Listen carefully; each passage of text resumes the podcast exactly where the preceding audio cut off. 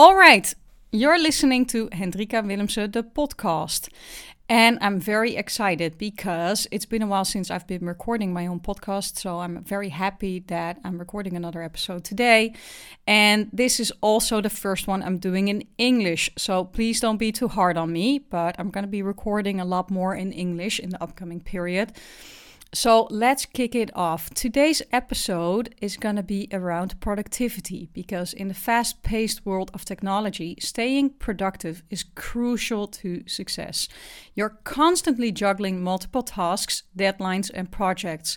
And I think the overwhelm struggle is real, at least for me from time to time. Not every day but I can definitely get overwhelmed at some periods of time. So, during this episode, we're going to explore seven tried and tested productivity hacks that are guaranteed to boost your efficiency and to help you thrive. So, these hacks will empower you to manage your time efficiently and to achieve your goals like a pro. So, get ready to unleash your inner productivity superhero. And let's start with the first hack, which is mastering the art of time blocking. And time blocking is your secret weapon for laser focused productivity. If you start to schedule dedicated blocks of time for different tasks and projects, that is definitely going to help you to be more efficient, but also to be better in staying focused and being creative during these blocks. So, this approach will help you to maintain concentration, it will help you to minimize distractions, and it will help you to stay on track. And by proactively managing your time, you'll enhance your focus, reduce distractions, and accomplish more in less time. So let's dive into the second one, which is leveraging productivity tools and apps. And I think, you know, techies have an advantage when it comes to productivity tools. And if you explore project management software tools like task tracking apps and collaboration platforms, that's definitely going to help you to be more productive. You can explore tools like Trello, which I'm very, very a huge fan of using. Uh, Asana, Notion, or Jira actually to streamline your workflows. And that's also going to help you to keep organized. And you know, just start testing some of these tools and find one that align with your work style because we all work in a different way. So it's very important to find a tool which actually fits your niche and you can leverage them to optimize your productivity. All right, let's dive into the third hack, which is the Pomodoro technique, which you might have heard from.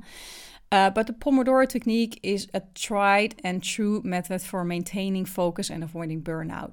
So it's basically very simple because you set a timer for 25 minutes and you're going to start working on a tasks or, or several tasks or one task with a huge load of concentration. Then after these 25 minutes, you're going to take a five minute break and you repeat this cycle for four times.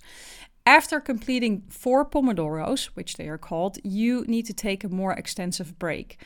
This technique is going to help you to optimize your focus, it increases efficiency, and it's also going to help you to prevent burnout. So these Pomodoros 25 minutes I think is a very good system to use. What I tend to do sometimes is also use blocks of 50 minutes and then take a 10 minute break.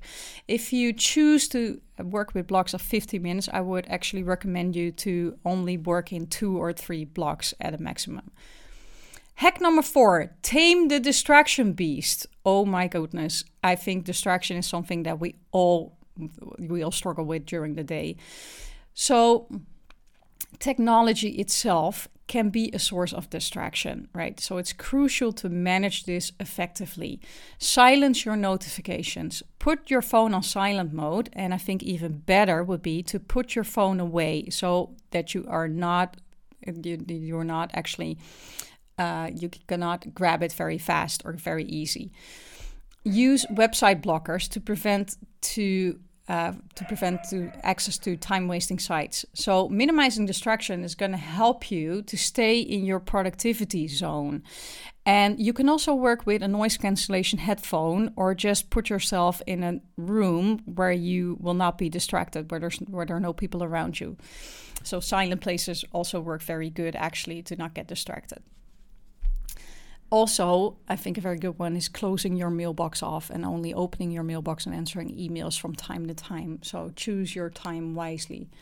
Hack number five is prioritizing and delegating. People often face an overwhelming number of tasks, and we either actually make our task list too full or um, we are not able to prioritize. So, to avoid getting overwhelmed, prioritize your task based on urgency and importance, right? Focus on these high impact activities that align with your goals. So, build your plan, define your goals, build your action plan, and make sure that you focus on a daily basis on these activities which are important for you to actually achieve your goals.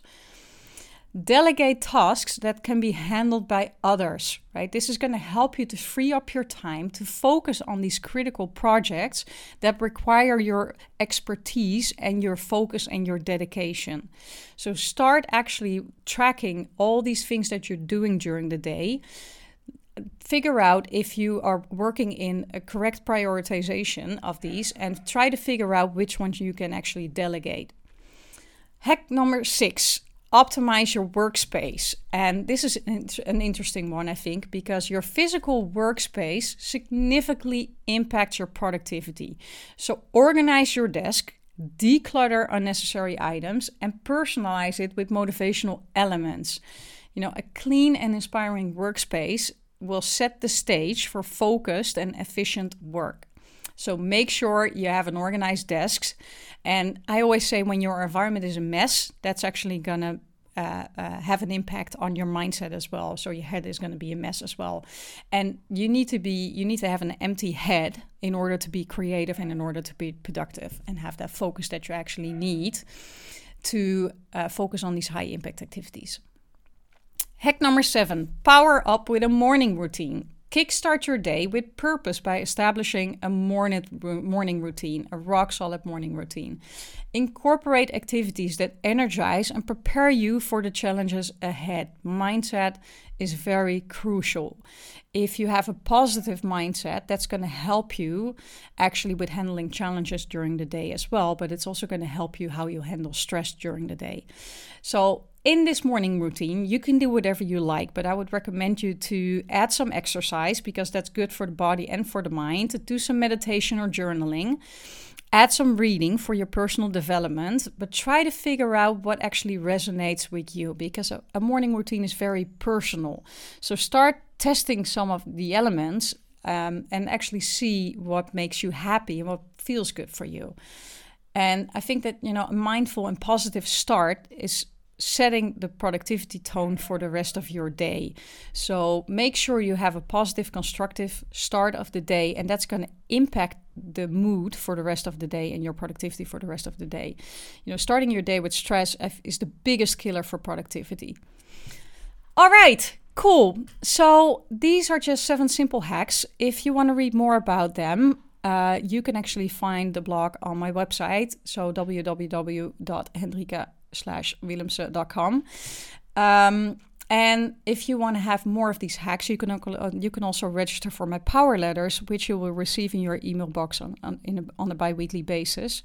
And you can also follow me on LinkedIn. So if you have any questions, feel free to reach out. If there's any other topic you want to hear more about or read more about, you can send me a DM on LinkedIn, and I will produce a piece of content for you. Enjoy your day. Until the next time.